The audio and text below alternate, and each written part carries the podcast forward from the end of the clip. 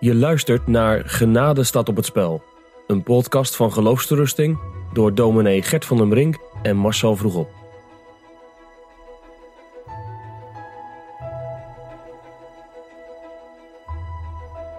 Nou, we hebben al heel wat eh, video's met elkaar eh, in gesprek geweest over Arminianisme en nou, wat wel en wat iets minder eh, helder op de geraad is, zeg maar.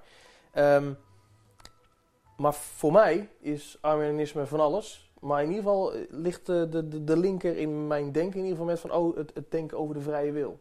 Oh ja. Ehm, ja.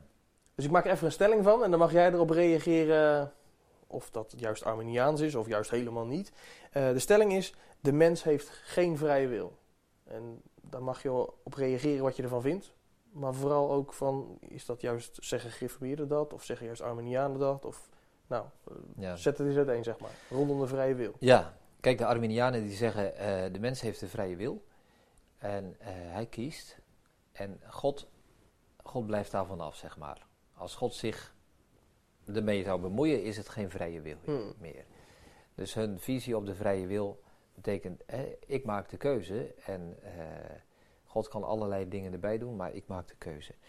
Nou, dus de prediking en eh, de werking van de Heilige Geest en het evangelie, dat is dan een, waar we het net over hadden, dat is een aanrading. Mm, mm. Het zijn duwtjes, maar jij moet zelf wel Willen. willen. Nou, ja. dat wordt krachtig afgewezen hè, in de Dordtse leerregels.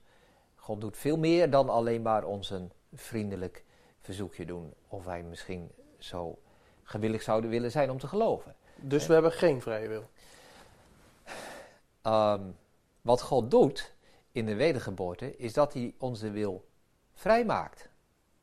Oké. Dus wij hebben door de zonde geen vrije wil meer. God schiep Adam met een vrije wil. Maar Adam heeft zijn vrije wil misbruikt, is in zonde gevallen. Sindsdien is onze vrije wil eigenlijk verworden tot een, eh, ja, een, een misvormde wil die alleen maar verkeerde dingen wil. En wat God nu doet, is dat hij in de. eh, kom ik hier met mijn boekje? Eh, Dat wij in de wedergeboorte niet. dat onze wil niet vernietigd wordt, zegt hoofdstuk 3, 4, 16, maar de wil wordt verbeterd.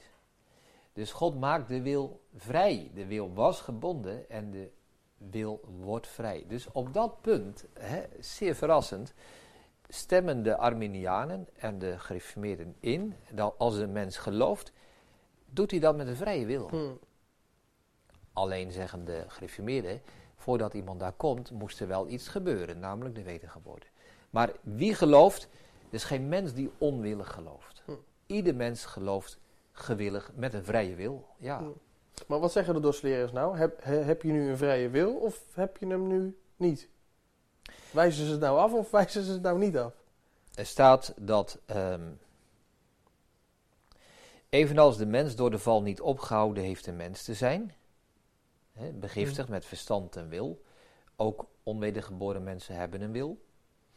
En evenals de zonde die tot het hele menselijke geslacht is doorgedrongen, de natuur van de mens niet heeft weggenomen. We zijn geen beesten geworden, we zijn nog steeds mensen. Maar eh, heeft die natuur in geestelijke zin gedood. Zo werkt ook deze goddelijke genade van de wedergeboorte in de mensen niet als in stokken en blokken. Hè, alsof je maar een, een blok hout bent. Nee, je bent een mens met wil en verstand. En die genade vernietigt de wil en zijn eigenschappen niet. En dwingt hem niet met geweld, zijn ondanks, hè, dat jij onwillig bent en dat God jou als het ware meesleurt om Ja. jou te dwingen. Nee, dat gebeurt niet. Maar hij maakt hem geestelijk levend, hield hem, verbetert hem en buigt hem prachtig gezegd, zowel liefelijk als krachtig. Hè, dus hoe God dat doet in, in onze wil, dat doet hij liefelijk. En, eh, maar ook krachtig. Hè, dus het is niet een misschien, hij doet het zeker. Maar op een manier dat die wil ja, eh, meegevoerd wordt, meegenomen wordt, zodat hij gewillig wordt. Zodat waar de hardnekkige tegenstand van het vlees voordien de overhand had, en nu een gewillige, heb je dat woord, en een Mm. oprechte gehoorzaamheid is. En daarin ligt de waarachtige en geestelijke wederoprichting en vrijheid van onze wil. Dus, dan wij vrije wil, Ja, ja of nee, moet je eigenlijk met twee woorden spreken. Voor wedergeboorte niet, na wedergeboorte wel. exact. Ja. Exact. En wat heb je daar... eh, eh, eh, praktisch aan? Concreet? Van wat, wat, wat kun je hiermee als gelovige? Als... Nou, er zit juist een hele, pastoraal gezien, zeg maar, zit er een Hmm. hele mooie kant aan. Toch? Arminiaan die zou zeggen, ja, ieder mens heeft een vrije wil. Dus hè, als jij er naar verlangt om in Jezus te geloven, ja, dat is eigenlijk niet, niet raar. Dat, Nee. dat kan iedereen. Maar de Dordtse leerregels die zeggen, als jij verlangt, hè, als jij gewillig bent om in de Heer Jezus te geloven, dan is er al heel veel in jouw hart gebeurd. Dan heeft de Heilige Geest jou liefelijk en krachtig Hm. gebogen en jou gewillig gemaakt om te geloven. En eh, dus als, als je dat merkt in je leven, hè, dat je hart naar de Heer Jezus uitgaat, dat je naar hem verlangt, dat je in hem wilt geloven, ja, dan mag je daar al uit afleiden dat de Heilige Geest in jouw hart werkt. En omgekeerd, je hoeft je daar niet voor te schamen. Je moet niet denken dat het pas echt is als jij onwillig bent. Hm. Er staat in Handelingen 2 over de mensen in de, hè, op de Pinksterdag dat zij dat woord gaarne aannamen. Ze deden het graag, ze deden het van ganser harte, Hm. gewillig.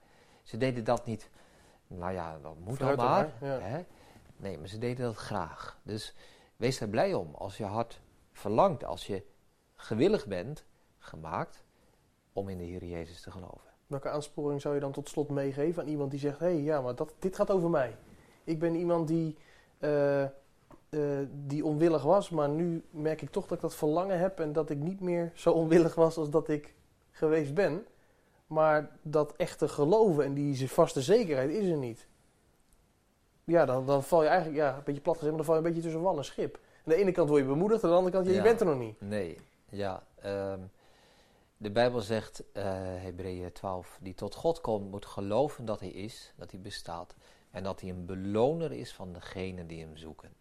Ja, dus zoek dat niet in jezelf. Je mag met geestelijke vreugde, staat er ergens in de Dordtse leerregels, opmerken als je leven veranderd is. Maar de echte vreugde vind je in de Heer Jezus. Hm. Hè, en vind je in de beloften van God. Dus zoek daarnaar.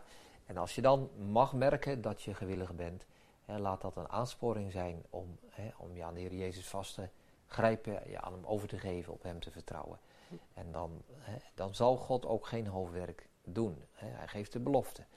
Dat moment gaat komen dat je die vreugde en die rust vindt. Er staat eh, in de Dordtse leerregels, hoofdstuk 3, 4, eh, 8. Hè, God belooft met ernst allen die geloven en tot hem komen de rust der zielen en het eeuwige leven. Hij belooft ze niet alleen het eeuwige leven, maar hij belooft ze ook de rust der zielen. Ja. Hij belooft ook de ervaring daarvan. En hij, hè, het is hem een vreugde als geroepen mensen tot hem komen. Dus ga tot Christus hè, en hij geeft je die rust. Je luisterde naar een podcast van Geloofsterusting. Wil je meer luisteren, lezen of bekijken? Steun dan onze missie en ga naar de website geloofsterusting.nl.